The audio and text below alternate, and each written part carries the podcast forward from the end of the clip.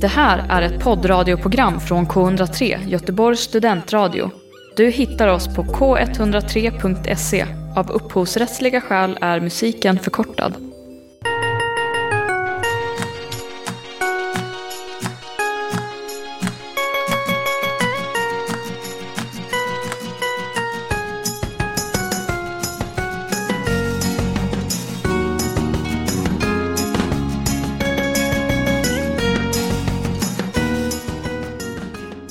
Välkomna till tagning 103 här på K103, vårt filmprogram som fokuserar på film och serier.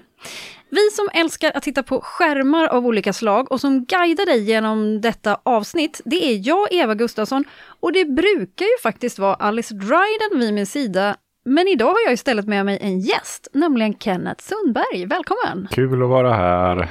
Det är ju ärligt talat inte första gången du är här, varken för att prata filmradio eller här på K103, eller hur? Nej, jag var ju eh, med och eh, grundade förlagen till det här programmet kan man väl ändå säga. På den tiden som filmprogrammet hette Harvey och var uppdöpt efter en kanin. Ja, precis. En filmkanin. Ja. Min vän Harvey. Svartvitt var det på den tiden, men det var, det var inte svartvitt på din tid. Nej, eh, då var det inga färger alls, för det var fortfarande bara radio. det stämmer. Tagning 103 kommer idag i alla fall bjuda dig på massa roligheter. Och ja, det känns som att jag, Eva, har fastnat i dokumentärträsket. För idag ska jag recensera ännu en eh, dokumentär. Och den här gången kommer det också kombineras med någonting som jag ofta pratar om och gillar väldigt mycket, nämligen musik. För jag har sett Ett hjärta är alltid rött om det svenska bandet Imperiet. Så det kommer bli en resa tillbaka i svensk historia. Vad har du sett Kenneth? Jag har kollat på en av de svenska originalproduktionerna som man hittar på Netflix, Tack och förlåt. En eh, dramakomedi av eh, en Göteborgsbekanting. Och sen ska vi självklart prata om Göteborgs filmfestival som invigs fredag den 26 januari. Och eh, det finns mycket att säga om filmfestivalen. Vi har själva varit där många gånger. Stor erfarenhet. Mm. Alltid lika kul att besöka. Och vi ska ge er lite highlights och lite tips inför. Men vi börjar som vanligt med att prata om vad vi har sett på senaste tiden. Så tystnad, Tagning 103 är nu i session.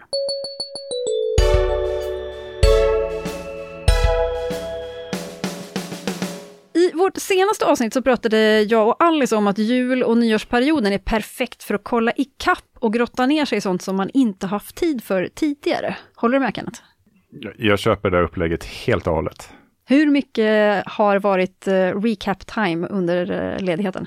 Ja, nej, men inte så mycket. Jag har ju alltid någon slags recap time och simmar emot uh, strums för att hinna med allting man vill se. Uh, så, och jag är inte alltid först på bollen. Uh, jag gillar snarare att, att vänta in och bida min tid tills man kan sätta tänderna i en hel säsong tillgänglig till exempel. Få en uppvärmd boll. Mm. Inte helt fel det heller. Ja, jag gick ju in på att kolla in saker som var roliga under eh, min ledighet. Och jag har kollat på Rostmacka som finns på SVT Play. Och det är då några av Sveriges eh, ståuppare som gör upp i roast-dueller, det vill säga att man ska recensera varandra på ett ganska harsh sätt. Det är väl en roast? och det här har ju testats tidigare i ganska utskällda format. Jag vet inte hur många år sedan det var nu, men det var två program som kom ungefär samtidigt. Ett gick på kanal 5 med Erik Haag som någon slags roastmaster. Och den andra varianten hette Rostad, tror jag, och gick på SVT. Mm. Där de skrotade flera program. De sände dem inte ens för att det blev så utskällt och, och ganska kast.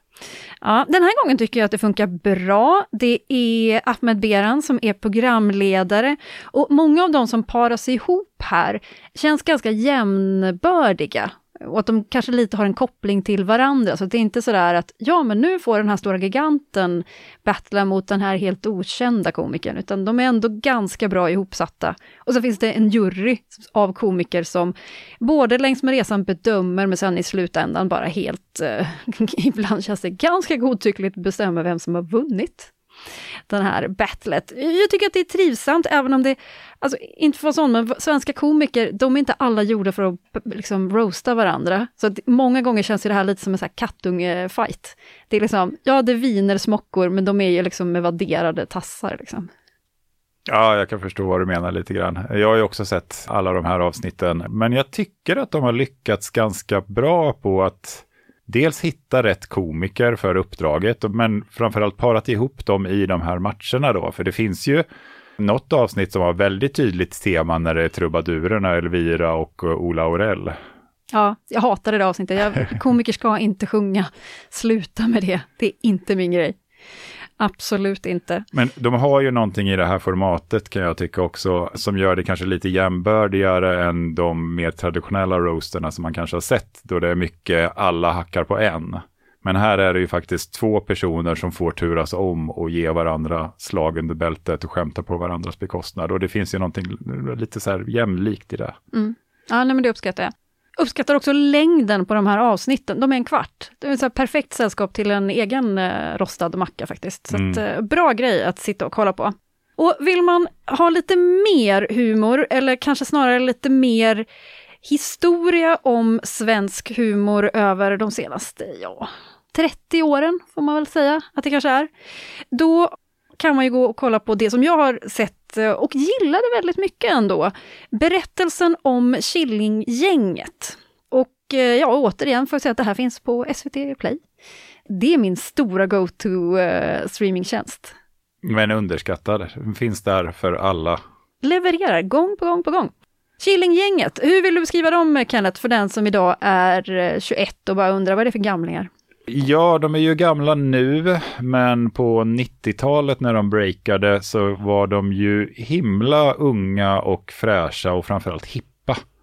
Och eh, var väl någon typ av banbrytande komiker i det att de lyckades sammanföra den gamla traditionen om roliga gubbar, eh, alltså lite så här roliga timmen, roliga gubbar, och roliga dialekter karaktärshumor med eh, någon slags vassare referenshumor där man bara skulle liksom droppa rätt eh, referenser och namn på obskyra saker och ting och musikföreteelser och kulturella företeelser som inte hade gjort så mycket tidigare. Då var det mer kanske politisk satir och att man skulle likna Ingvar Carlsson med att hans ansikte såg ut som en sko. Ja, det är sant. Det inleddes med i manegen med Glenn Killing, gick vidare till Bli Nile City 105,6. Det kan vi referera väldigt mycket till här på K103. Inte lika mycket nu för tiden dock, det har ändå gått några år sedan den radiostationen stängde. Och det finns väl ingen brandstation i det här huset? Eh, där vi spelar nej, in brandlarmet går ibland, men jag vet inte, det kanske inte är samma sak. Jag vet inte. Ja, sen gick det vidare till Percy Tårar, sen blev det film med fyra nyanser av brunt. Ja, det, det, var ganska mycket. Från 90-talet då, där de här sakerna gick på tv, till 00-talet där de plötsligt stod på Dramaten. Ja, och som grupp så var de ju verksam under många år, men har ju kanske inte alltid levererat jättemånga projekt. Alltså det har ju funnits pauser och uppbrott och det har ju liksom varit en tydlig idé som är kul att följa i den här serien. Eh, om att de vill inte upprepa sig, de vill komma med nytt uh, och de är liksom måna om att utvecklas på något sätt. Mm. Om man ska presentera det här gänget då till att börja med, det är ju då Henrik Schyffert som gärna blev galjonfiguren för det här ansiktet utåt för Killinggänget. Men också Robert Gustafsson, Johan Reborg, Thomas Alfredsson, regissören, som kanske inte syntes lika mycket i produktionerna, men som regisserade. Och sen också Martin Lok och Andres Locko Martin Lok kanske är den som är alltid har varit minst känd för allmänheten i det här gänget väl, eller? Ja, och han har väl äh, aldrig haft någon äh, roll framför kameran förutom äh, några cameos och andra gästspel. Och sen självklart så ingick ju också Jonas Inde i Killinggänget från början, men valde att sluta längs med resan och är heller inte med i den här dokumentären som intervjuad nu. Han är ju med i arkivmaterial. Mm, och har ju lämnat rampljuset lite grann. Mm. Ja, den här är upplagd i tre stycken delar. Och kanske inte så som, först trodde jag att det skulle vara ganska klassiskt, så här, vi pratar om, ja men det är ändå 30 år, vi kan så här, dela upp det på lite olika tidsepoker och så, men så är det inte alls gjort, utan första avsnittet är mer eller mindre, det här har de gjort. Nästan allt som sker, liksom 90-tal och tidigt 2000-tal, liksom så här, nästan allt. En uppradning av saker som sker. Sen avsnitt två är mycket mer, hur mådde de när de gjorde det här? Hur var gruppdynamiken? Var hittade de inspiration ifrån? Mer djupt ner, liksom så här, hur jävla dåligt mådde de när de gjorde det här? Ja, ganska dåligt. Och sen det tredje avsnittet är då, då reflektionen på så här, idag. Vad gör de idag? Inte så att de pratar om så här, Johan Rheborg ut på turné, utan mer så här, hur, vad är deras förhållande till den här gruppen idag? Eh, och sen pratar de också ganska mycket om Dramaten-föreställningen i det sista avsnittet. Mm. Va, vad, vad gillar du det? Ja, men när man följer den här serien och framförallt när man kollar på första avsnittet så, så, så hann de ju väldigt långt i berättelsen om Killinggänget och de började från så här satte vi ihop gruppen, sen gjorde vi de här och de här produktionerna, så här gick det till och man bara hur ska det här kunna vara två timmar till? Men som du var inne på där så lyckas de ju hitta nya intressanta infallsvinklar. Och jag har ju älskat det mesta som eh, uh, Killinggänget har gjort. Alla humorserierna och eh, de udda webbprojekten med spermaharen och annat. Sen så köper inte jag narrativet de målar upp helt och hållet. Framförallt så har jag svårt, det pratas mycket om Henrik Schyffert och att han är lägst i rangordningen i gruppen intern för att det är han som inte kan någonting. Han får ta på sig rollen som projektledare för att få det att hända och facilitera för de andra, för de har så upptagna karriärer och jättemycket andra saker att falla tillbaka på. Men det är Henrik Schyffert som står och faller med att de ska göra en ny produktion. Ja, hela den biten kanske snarare känns som att för den som står utifrån som publik så kändes det aldrig så, utan det här måste ju istället bygga på en självbild eller liksom från andra hållet, hur han upplevde det och hur han såg på sig själv. Och det kan ju också snarare hänga ihop med det här hur bra mådde man under den här perioden? Eller hur dåligt mådde man under den här perioden? Ja, för Henrik Schyffert var ju det hetaste som fanns. Och han var upptagen, han, hade ju, han var ju rockstjärna med Whale och musikvideoregissör och kom från en bakgrund från MTV som var liksom inspirationskällan. Och, ja, det är väldigt mm. märkligt att förstå. Men det är ju lite roligt när de sitter och gnabbas så här i, i, i det sista avsnittet när de har en så här reunion och de funderar på hur var det nu då? Och Henrik är så här, nej, jag skulle faktiskt vilja ha tack från er för att jag skötte all logistik runt hela det här projektet jämt. Jag fick aldrig ett tack för det. De andra bara, ja men Alfredsson säger bara, ja men det var ingen som tackade mig för att jag regisserade. Så tycker Henrik så här, ja men det var ju ditt jobb. Liksom. Han bara, ja ja men om du gick med i den här gruppen så gjorde du inte det för att få ett tack. Det här är inte människor som säger tack. Liksom. Mm skärp dig, du vet vilka vi är. Liksom. Ja, men det, det, det, glimmar till där och det finns ju tillfällen som man, det känns som att man kommer nära och man kommer liksom någonting äkta. Mm. Sen så har de ju fått vara ganska själva om att skriva historien om sig själva. Och jag tror att det hade kunnat nyanserats med att få liksom röster utifrån som kan förklara ja, men så här såg vi på dem och vad de gjorde. Eller ja, men det, det gjordes nog på det här sättet för att. Mm. Det finns ju också en bok skriven av Linus Kulin, där får man väl kanske lite mer sådana röster utifrån. Intressant i alla fall. Är man intresserad av historia runt svensk humor från 90-talet och framåt så är det här ändå värt att se. Kanske ett sätt att förstå föräldrar. Vad var det de lyssnade på när de var unga? Who knows?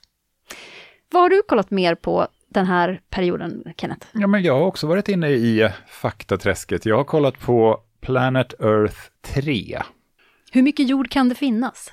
Ja, det finns ju ganska mycket natur och arter och eh, miljö att berätta om. Eh, det här är ju BBCs extremt påkostade flaggskeppsnaturserie. Eh, där de inte sparar på någon krona alls om man riktigt tänker sig att hur de här stackars kameramännen har fått lön för att ligga ute i månader och vänta på exakt rätt att det här lejonet ska gäspa på... på rätt sätt. Ja, exakt. Mm. Och så måste vi, nej, vi får eh, vänta i två månader till för vi fick inte med antilopen där i bakgrunden. Nej, nej det, är, det är makalöst vackert. Det här är som sagt tredje serien de gör på Planet Earth-temat. Den första kom ju 2006 och sen så kom uh, Planet Earth 2 2016 och nu var de lite ivriga då tydligen och gjorde Planet Earth 3 redan nu. Alltså är, är det hårt att säga, de måste väl smida medan David Attenborough lever? Ja, jag vet, det, det kanske är så, för det är ju också de här spin-off-serierna som de har i form av Green Planet och Frozen Planet och Blue Planet eh, är ju i lite grann samma universum. De har också kommit tätare med de här dokumentärerna på sistone. Mm. Men eh, väldigt fascinerande att se. Eh, den här eh, säsongen känns det som att de har mer fokus på klimatomställningen eh, och de återkommer flera gånger till om att eh, habitaten ändras på det här och det här sättet. Det finns ett temaavsnitt som bara handlar om djur i storstäder eller i symbios med människan. Hur, de får, hur djur får anpassa sig för att hitta mat på nya sätt när deras naturliga habitat drivs undan och blir annat. Och att man också pratar en del om, jag har också sett uh, den här säsongen, och att man pratar om, uh, det är inte bara människor som påverkas av klimatförändringar och som kommer bli klimatflyktingar, det gäller ju även djuren. Mm. Värt att se. Ja, absolut värt att se. Och uh, man ser det på BBC Nordic, ifall man har tillgång till den streamingtjänsten eller kanalen.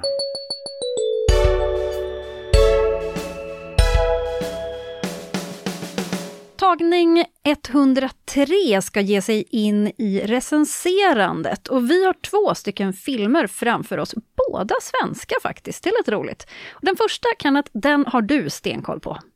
Ja, jag har sett den med eh, nöje kan jag säga. Det handlar om Tack och förlåt, en eh, Netflix-film gjord för den svenska marknaden får man ju då säga. Men den har en eh, förlaga, eller i alla fall en manusförlaga som är skrivet av Marie Österby.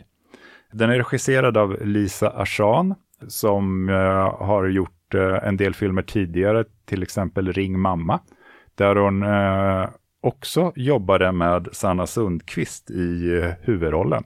Så de verkar vara ett radarpar som har hittat varandra.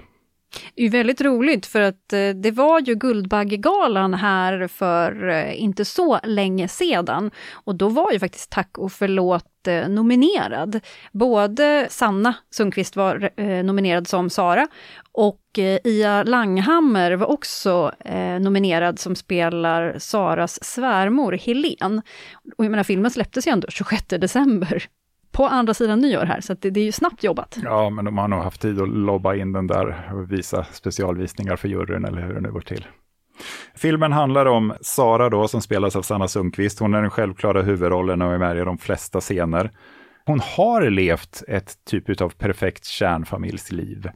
Men filmen inleds med att man får se henne i en obekväm situation där hon blir dumpad eller eh, lämnad under lite vardagsmässiga former. Lite med vänsterhanden sådär. Ja, men lite tråkigt sådär, genom en dörr. Ja, jag vill ha paus. Och samtidigt är hon höggravid. Sen eh, tar filmen genast en ännu mer dramatisk vändning när det visar sig att uh, hennes man går och dör och avlider i sömnen. Och där står hon med spillrorna av den här för alla andra till synes perfekta eh, kärnfamiljstillvaron. Höggravid, väntar ytterligare ett barn och ska hantera den här sorgen då som hon är väldigt vilsen i då hon ju inte alls eh, kanske hade den perfekta relationen. Ja, jag tycker en väldigt eh, målande bild av det här är när hon sitter och ska prata med en präst som till att börja med alldeles för peppig och glad för att eh, prata med någon som ska begrava sin man. För prästen vill veta lite grann om mannen och deras familj och liksom deras liv och sådär. Och hon berättar, ja vi flyttade ju hit till förorten eller the suburb. Uh, och alla säger att det går så bra kommunikationer och vi kommer att hälsa på. Och hon bara, fan det är ingen som kommer att hälsa på. Mm. Och att hon bara så här, nu sitter jag här själv med ja. snart två barn, vad ska jag göra här? Uh, bitter. Och filmen tar ju avstamp i det här liksom sorgarbetet eller kanske lite förberedelser inför först en begravning som sen ska bli en så här hur ska jag eh, klara ut mitt liv i väntan på det nya barnet som faktiskt är högst annalkande. Mm. Och I eh, den resan så återfår hon kontakten med en stora syster som har varit frånvarande i hennes vuxna liv och man förstår att eh, de har en särskild relation till sin pappa och hon har absolut ingen kontakt med pappan och vill inte ha kontakt med, med deras gemensamma pappa då.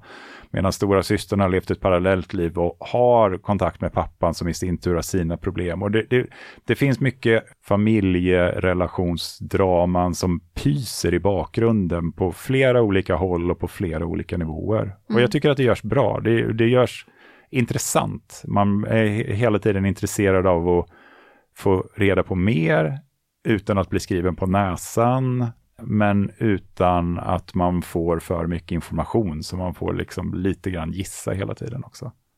Jag gillar också att den hela tiden är ganska krass i sin syn på olika saker, ganska rak och ärlig.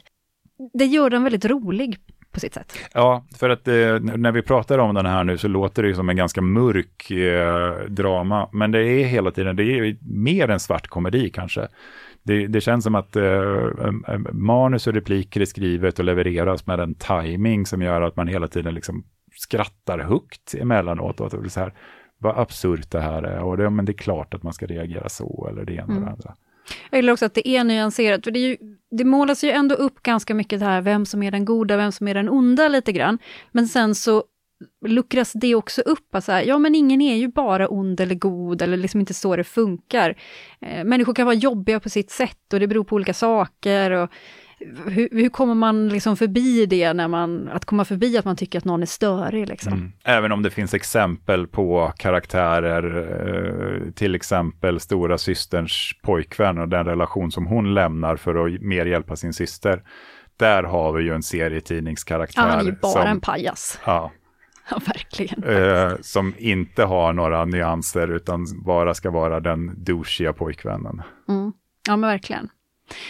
Nu har ju de här systrarna lite olika dialekt, men jag tycker, och det kan väl förklaras med att de har vuxit upp på två ställen. Men jag tänker ju väldigt mycket på Hanna Hellqvist, när den här stora systern, just för att de har ett lite snarligt sätt att prata. Mm. Ja, men det köper jag, det kan jag se likheter med också. Och stora systern känns ju också väldigt naturlig, alltså det är ju, Sanna Sundqvist är jättebra i sin roll. Men uh, den här personen som spelar systern, Charlotta Björk, jag känner inte igen henne från så många andra sammanhang, men hon känns väldigt så här äkta och har någon slags inneboende karisma som gör att man blir direkt intresserad av och förstår att det här finns ett intressant livsöde på något mm. sätt. Ja, verkligen. Värmen från Värmland. Mm. Ja, det är någonting med henne som känns så jäkla tryggt på något ja. sätt. Jag tycker allt det här sammantaget är en riktigt bra film om man har överseende med eh, vissa av de här liksom, eh, mer utspejsade karaktärerna då. Den tar lite genvägar ibland, men det stör inte helheten. Så jag tycker att det här ska ha fyra stycken eh, klappor.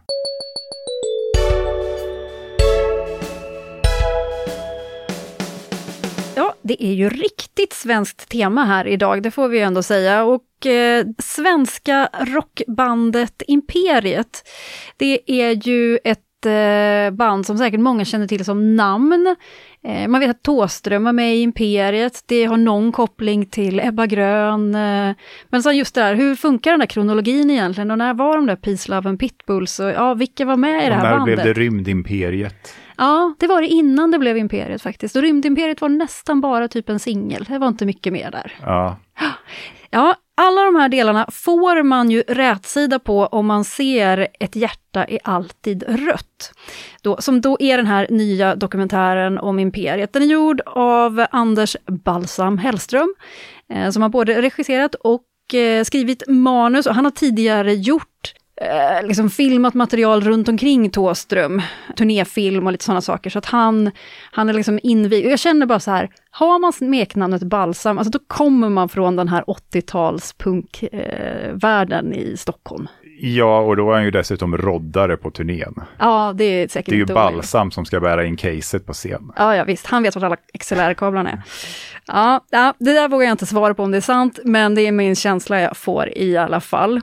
Och eh, det här är då liksom historien om hur ett av Sveriges då punkiga rockband hittar in på Svensktoppen, kommer till de stora arenorna, hur de liksom lämnar de här ungdomsgårdarna i Rågsved och eh, hur de dessutom kommer ut och liksom blir mer eller mindre en kulturexport från Sverige, betald av liksom regeringen och åker till eh, krigsdrabbade länder för att sprida liksom god, eh, goda politiska vibbar i ett 80-tal när man slåss mot liksom, det kalla kriget och man försöker hjälpa de små i demokratin och så här. Olof Palme är våran eh, landsfader här. Liksom. Och där måste det finnas mycket intressant att berätta motsättningen mot eh, det anarkistiska punk, antikapitalism, eh, propagandan som punkrörelsen bottnar i, eller tar avstamp ur. Ja, och det gör det säkert. Tyvärr så finns inte de delarna med här. Och det här är ju en historia som, alltså, de flesta röster är ju faktiskt med här. De som finns, de är med. Även de som inte ville vara med liksom, längs med musikresan. De som hoppade av. Till exempel eh, Ebba Grön la ju ner för att alla i gänget inte ville vara med. Okej, okay, några hoppar av. Det kommer in lite nytt folk. Eh, och det blir Imperiet istället. Liksom. Och även de här som då liksom hoppade av för att ja, men jag vill inte köra musik, de är också med och snackar lite kort. Liksom. Så filmen har ganska bra styrfart, det får jag ändå säga. Det går ändå undan ganska mycket. Det är inte jättelånga, randiga samtal eller utläggningar sådär. Ganska bra variation på bilder och så. Liksom blandning av arkivmaterial och lite efterkonstruktioner så att man har liksom gjort för att få ihop det så att det ska funka. Det handlar ju om en tid som är mellan 80-talet liksom. Ja, för jag tänker att det måste förlita sig på ganska mycket annat material än intervjuer och tillbakablickar och utläggningar från huvudmannen själv, Joakim Tåström. Mm. Han är ju inte känd för att vara en pratkvarn. Han är ju en trulig, ointresserad, mediaskygg man som aldrig vill kommentera någonting överhuvudtaget. Men inte här. För gud vad han har tinat upp här och är riktigt karismatisk och pratar jättemycket. Och jag tror att kanske var det nu tiden var mogen, för det känner jag också är en av styrkorna, att man märker att många som var med då har kommit så pass långt ifrån historien att den faktiskt har smält, landat och kunnat lite mer utvärderas. Och att man kan reflektera över så här, ja de där valen vi gjorde, fan vad dumma de var. De var inte jättebra. Och det där jag gjorde, ja det var jävligt taskigt. Det var inte heller så jävla smart. Så de kan ändå prata ganska öppenhjärtigt om saker som hände, men inte allt. Inte allt. Men kan eh. de det i så fall för att de pratar med sin kompis, vi spekulerade i Balsam mm. att det är deras roddare. Eh, är det imperiet som berättar sin egen historia ostört. Uh, och man inte får, lite grann som vi var inne på uh, om Killinggänget där också då, så här, mm. får man utifrån perspektiv eller är det bara så här uppfattade vi oss och vår historia. Man får åtminstone någon cirkel utifrån, det får man. Att andra reflekterar över hur det var. Och man, man försöker också ge liksom här ett perspektiv i vilken värld de här olika sakerna händer. Eh, så man har försökt snacka med mycket folk som var med runt omkring också. Men man märker att så fort någon bara säger, nej äh, men det här vill inte jag snacka om. Ah, Okej, okay, då går vi vidare. Och det är också en del frågor som jag kan tycka så här, efter så pass lång tid, självklart kan det ju vara så att nu är det svårare att, att reda ut en del saker, men det finns, de berättar en del historier om så här, ja, den här personen säger att det var så här, medan andra personer säger att det var så här. Ja, men kan vi inte bara reda ut hur det var då? Liksom? Det, nu borde väl ändå de här faktarna finnas och istället för att bara så här, lite rulla in dem i någon så här rock'n'roll-myt-dimma som man tycker är lite cool. Liksom. Mm. Eh, de pratar till exempel en del om pengar. Jag menar, Ebba Grön har sålt ganska mycket skivor. Eh, Imperiet har sålt ganska mycket skivor. De har haft en del stora, riktiga liksom, mördarhits. Men de har haft andra låtar som inte har varit lika stora och gått lika bra. Men nu, de satt ju alla så här bara, Ja, jaha, nej, de fick inget betalt för det. Den där producenten fick aldrig betalt. Nej, nej vårt skivbolag betalar liksom aldrig ut någonting. Nej, vi fick inga pengar. Ingen vill ha aning vart pengarna tog vägen. Så här, är det på riktigt så att de inte vet alls vart pengarna tog vägen? Eller, och, eller, och bryr de sig inte? Eller är det någon som vet vart pengarna tog vägen? Och varför får vi inte veta det i den här dokumentären? Det är bara så här, ja, ja, vi går vidare. Det hade ju inte varit det första exemplet på någon rockgrupp som blir skinnad på pengar av sitt skivbolag eller manager. Absolut inte, men det, det framgår heller inte om det är så. Är det skivbolaget som har tagit alla pengarna? Eller så här, är det Thåström som får alla pengar? Det, det känns som att Eller det är nästan... de bara ointresserade och tjänade en massa pengar utan att inse det för att de hade dålig koll på sin privatekonomi. Ja, precis. Lex Hives. Typ, eh, ja, ni spenderade ju alla pengarna också, det var, det var så det gick till liksom. Men, men det jag tycker ändå, det är väldigt intressant att se de här och få höra de olika historierna från olika personer. Och, och också återuppleva en del saker. Nu- är det här före min tid, det här är liksom för länge sedan för att jag ska ha en riktig liksom, egen uppfattning om det. Men man känner igen saker som man har fått berättat eller som man har sett eller mött lite grann. Så man får lite mer kött på benen om hur det faktiskt hängde ihop. Också roligt att se liksom hur Imperiet var en mycket mer eklektisk grupp än vad till exempel Ebba Grön var, som var så här riktigt punkgänget. Eh, och sen gick Imperiet in och då skaffade de en så här, en syntkille, en saxofonkille. Alltså det, det är så här mitten av 80-talet också. Ja men de bara slog sig ihop med lite syntgäng liksom. Publiken fattade inte vad som hände med Ebba Grön. Får man någon bild av vad imperiet kommer att bli, eh, sina respektive medlemmar? För det är ju mer eh, medlemmar än Thåström som har haft framgångsrika karriärer efter imperiet. Ja, det är det, men inte gigantiskt framgångsrika, det får man ändå säga. Det är ju folk som, de flesta är ju fortfarande musiker på ett eller annat sätt. Eh, någon har kommit tillbaka och spelar med Thåström idag. Eh, någon flyttade till Skåne och har något band där, men- som inte är jättenamnkunnigt. Inte någonting som din mamma känner igen, liksom, men de, hon vet ju vem Thåström är. Utan den som det gick eh, bäst för vid sidan av Thåström är ju självklart Christian Falk, men som ju är borta sedan, ja men tio år, eh, som tyvärr dog i cancer. Och därför är det också lite synd, för att han representeras ju framförallt av hans sommarprat, som han spelade in innan han gick bort. Och det gör ju att där finns inte samma liksom, reflektion av, han har ju inte fått samma distans av rimliga anledningar. Liksom. Mm. Det som jag tycker är intressantast, det är ju att det är en ganska stor del, alltså inte av hela dokumentären, men det är ändå ett ganska stort sjok, som berättar om när de åker till Mexiko, Kuba och Nicaragua på uppdrag av Sveriges regering. Det är så här, Pierre Schori pratar om när de bara så här, ja, ja, men det är klart att ni ska åka dit och representera Sverige som ett kulturevenemang, vi betalar. Och hur de upplevde det då på 80-talet med Mexiko, liksom hur det var där, eh, Nicaragua som var liksom så här i krig med USA, eller under attack av USA. Eh, och sen Kuba också, eh, där de pratade mycket om att de kände att det var jävligt obehagligt att bli ditskickad och liksom prata med diktaturledare och bara så här, okej, nu känner vi att vi liksom är lite galjonsfigurer för något som vi inte alls står för. Vad gör vi egentligen här? Vi ska till USA sen liksom, på turné. Att det kändes väldigt konstigt och dubbelt för dem, men det är också en intressant del av historien. Skildras det i klipp eller bara i uh, åter... Både, både och. Både att de pratar om det nu, men också i att man får se, de filmar det väldigt mycket, alltså självklart skickar de ju med ett dokumentationsteam då liksom. Och bland annat så Christian Falks fru pratar om att, ja men jag åkte ju dit och hade med oss vårt lilla, lilla barn och ja men idag så, så förstår jag inte hur vi kunde göra sådana saker som att vi bara skaffade en barnvakt till henne och sen åkte vi till fronten och kollade hur det var där. Var det genomtänkt? Mm. Men eh, unika bilder finns det här. Jag tycker inte att den är så djuplodande som jag hade önskat. Men eh, kanske hade det blivit för långt då, vad vet jag. Hade jag varit så intresserad i, i, i långa loppet, kanske inte. Men eh, intressant dokumentär, värd, värd att se. Jag ger den tre stycken klappor.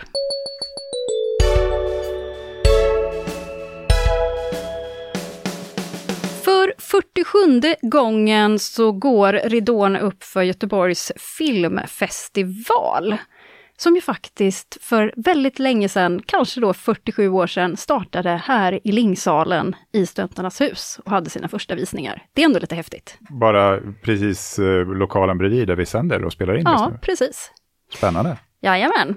Idag så är den större och har många biosalonger och em, ett ganska rejält program som vi har framför oss. Det är en liten bibel på typ 150 sidor. Hur funkar Göteborgs filmfestival? Eh, hur funkar det inte, höll jag på att säga. Det är mycket saker som händer under eh, en eh, dryg vecka. Det spänner väl över två stycken helger. Så premiären är ju nu den 26 januari. Man får under den här perioden gå på så mycket film som man bara orkar, hinner, vill och kan. Man köper biljetter till de visningar som erbjuds i programmet. Man hittar visningarna på flera olika biografer runt om i hela stan. Bland annat så tar de ju över alla salonger mer eller mindre på Biopalatset. Men Draken är ju den givna huvudbion eh, och de mindre biograferna som Haga och Kapitol och annat. Ja, och det är ju så att man först ska vara medlem, så man behöver ett medlemskap, och sen så köper man biljett till varje enskild film. Så det är inte som ett så här musikfestival, du köper ett festivalpass och sen går du på allt, utan du väljer vad du vill gå på. Som student så finns det studentrabatt. Mm. Det är värt att komma ihåg och inte glömma bort. Och sen kan man faktiskt också sitta hemma och titta. Ja, eh, sen eh, pandemin så har de ju eh, lanserat och behållit den digitala delen av eh, filmfestivalen som är knuten till deras egna streamingtjänst som ju faktiskt finns året om, Draken Film. Men under filmfestivalperioden så kan man köpa ett onlinepass och då får man tillgång till upp till fyra olika filmer varje dag som visas i ett 24 timmars fönster. Så uh, varje dag så kommer det fyra nya filmer att välja på och så lever de vidare och du har ett dygn på dig att se dem och sen så byts det här programmet ut då under uh, festivalens gång. Mm. Men är ett uh, väldigt intressant alternativ och också en genväg in i programmet för de visar ju filmer digitalt som också har fysiska visningar på biografer runt om i Göteborg. Men här får du ju faktiskt ett urval, för det är ju det som är det svåra. Eh, hur ska jag välja rätt bland alla de här hundratals filmerna som finns i programmet? Och varje film har ju ungefär fyra olika visningar på biograferna. Det är ju mycket att välja mellan, självklart. Men eh, det är ju också så, vi ska, vi ska ge några tips på filmer som vi har ögnat in lite, eller lite koncept som vi har ögnat in. Men vi ska också slå ett slag för att det faktiskt finns annat än film. För eh, dels så delar festivalen ut lite blandade priser. I år så går deras pris The Honorary Award, hederspriset, till Ewan McGregor. Så att han kommer hit och ska hämta upp priset. Så, och han kommer också ha då ett talk där man kan komma och lyssna på honom, berätta om sina filmer. Och det blir ett retrospektiv av några av hans gamla filmer. Till exempel den gamla Shallow Grave, som jag vet att jag såg någon gång på 90-talet, tyckte var helt fantastisk. Ja, och samtalet sker väl i anslutning till en visning av hans kanske mest ikoniska roll i Trainspotting. Eller ja, ikoniska filmen Trainspotting. Mm. Det finns lite andra aktiviteter. Det kommer ju vara en stor invigningsfest som i år dessutom är gratis för första gången på åtminstone väldigt många år. Och nu har man ju i och med Järntorgets transformation också fått ett nytt festivalcentrum. Vart liksom hängstället för festivalen har varit har ju förändrats genom åren. Vart på Pustervik, det har varit på Auktionsverket, det har varit i ett stort tält på Olof Palmes plats. Svinkallt. Och det hade ju nästan varit konstigt ifall de inte hade fått flytta in i eh, salongerna i anslutning till biografdraken som nu har blivit med ett jättehotell med flera olika eh, salar och restauranger och annat. Så uh, de, det, det, kommer hända mycket där och det, det, känns ju som att det kommer bli väldigt spännande och säkert ett lyft för festivalupplevelsen. Det tror jag också. Där kan man sitta och uh, både lyssna på tal om, uh, liksom talks om film, men också mycket DJs och bara barhäng helt mm. enkelt. Det är ju det som är lite kul med att gå på visningar på festivalen också, för att inte sällan så visar det sig att jaha, men där var ju faktiskt regissören som har gjort filmen med och presenterar och han stannar kvar efterut och man får ställa frågor och man blir liksom överraskad och man får någonting mer än bara en biovisning. Mm. Ja, det är lite roligt, speciellt när man inte är med på det. Jag kommer ihåg att jag var på Storan någon gång på någon sån röda mattan-visning och bara insåg att det är fan Juliette Binoche som är med och visar filmen här. Okej, okay, ja. kul! Kul att sitta bredvid henne. Ja, få skratta på rätt tillfällen. Ja, exakt. Ja, vad, vad har du då för inkörsport till programmet och eh, att hitta lite roliga filmer att se? Ja, men som sagt, man kan ju behöva hjälp eh, och angripa det här programmet. Och man kan ju säga att dels så gör de det ju själva genom att kategorisera filmerna i lite olika sektioner. Ibland så är de lite grann hittepå, men det finns ju saker som Gala, det finns eh, Nordiskt fokus, det finns eh, Visionaries som ska vara unga, up and coming, nya filmskapare och det finns Fokus olika länder och annat. Så så kan man börja titta i programmet. Men sen har de ju också lite så här specialvisningar ibland som är liksom mer konceptualiserade. Bland annat så har de ju Doc Bar på Hagabion som är eh, sex olika specialvisningar av eh, dokumentärfilmer. Och då följs de av ett eh, samtal som är gratis att stanna kvar och ta del av efter filmen. Det är ju ypperligt eh, just vad det kommer till dokumentärfilm, att man kan få en uppföljning på det sättet. Mm. Verkligen så här, jag har en fråga, jag har två frågor, jag har tio mm. frågor, hur många som helst. Det finns ju också eh, de lite lyxigare röda mattanvisningarna. Då går man till Stora Teatern eh, som är en väldigt så här, vacker filmsalong att vara i. Och köper man en biljett till en röda mattanvisning, då är det de liksom lite större filmerna som kanske har eh, jag vill inte säga mer budget, men med, så här, mer flärd och mer namnkunnigt folk knutet till det ibland kanske. Eh, så då får man se en stor film i en fin salong med ett glas bubbel i handen som ingår i biljettpriset. Ja, det är ju väldigt trevligt. Vi gillar saker som ingår i biljettpriset. Mm. Definitivt. Och, och, och, vill man ha en annan, eh, lite motsatt upplevelse till det då, då kan man ju till exempel gå på Midnight Mania-visningarna, som är alltså sena filmstarter på Hagabion av skräckfilmer. De börjar klockan 11, framförallt på uh, helgerna då under festivalen. Så finns det uh, fem olika skräckfilmer som man kan gå och se. Och går man på dem, då får man en folköl på köpet. Folkligt. Ja. Trevligt. Ah, jag tänkte att jag skulle tipsa om eh, också tre dokumentärer. Eller, nej, förlåt, eh, den ena är faktiskt inte dokumentär. Det är den inte. Men tre musikfilmer, varav två är dokumentärer och en är en spelfilm. Och eh, den ena heter Scream of My Blood och handlar om Gogol Bordello. Den amerikanska gruppen men som har en sångare med ursprung i eh, Ukraina. Sen har vi också, någon, det här är någonting för gubbar, de kommer älska det här. The Stones och Brian Jones. En dokumentär om Rolling Stones då medlem Brian Jones, som ju gick ur tiden alldeles för tidigt, som sedan ersattes. Det tror jag kommer vara intressant. Alla vill veta vad som hände med Brian Jones. Varför dog han? Hur, hur gick det till? Får vi se om det kommer komma någonting nytt den här gången. Ja, ja de har inte. tragglat de här historierna om Stones i några olika dokumentärserier. Den går de mjölka mer, tro mig. Tro mig.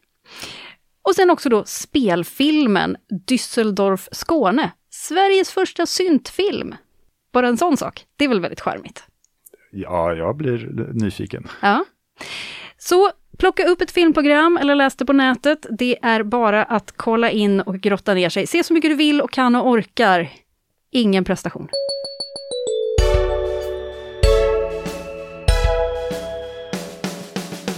Du har lyssnat på K103s filmprogram, tagning 103, med mig, Eva Gustafsson. Och mig, Kenneth Sundberg. Idag har vi pratat om och recenserat. Tack och förlåt, Lisa Ashans film som jag gav fyra stycken klappor.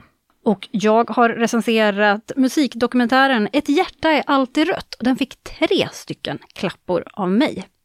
Vi har också pratat om Göteborg Film Festival som drar igång 26 januari här i Göteborg och online, var som helst du har internet. Men vi har också pratat om saker vi nyligen sett, bland annat berättelsen om Killinggänget. Planet Earth 3. Och Rostmacka. Tack för att du har lyssnat på tagning 103. Du hör vårt program här på K103 på 103,1 på fredagar 13.00 med repris söndagar 13.00. Du hittar oss även på Spotify och där poddar finns.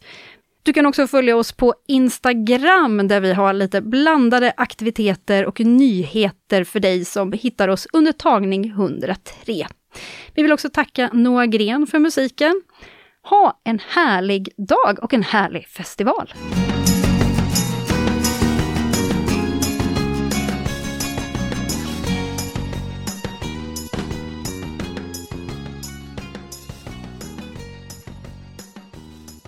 Du har hört en poddradioversion av ett program från K103. Alla våra program hittar du på k103.se. Följ oss gärna på Facebook eller på Instagram. Vi hörs!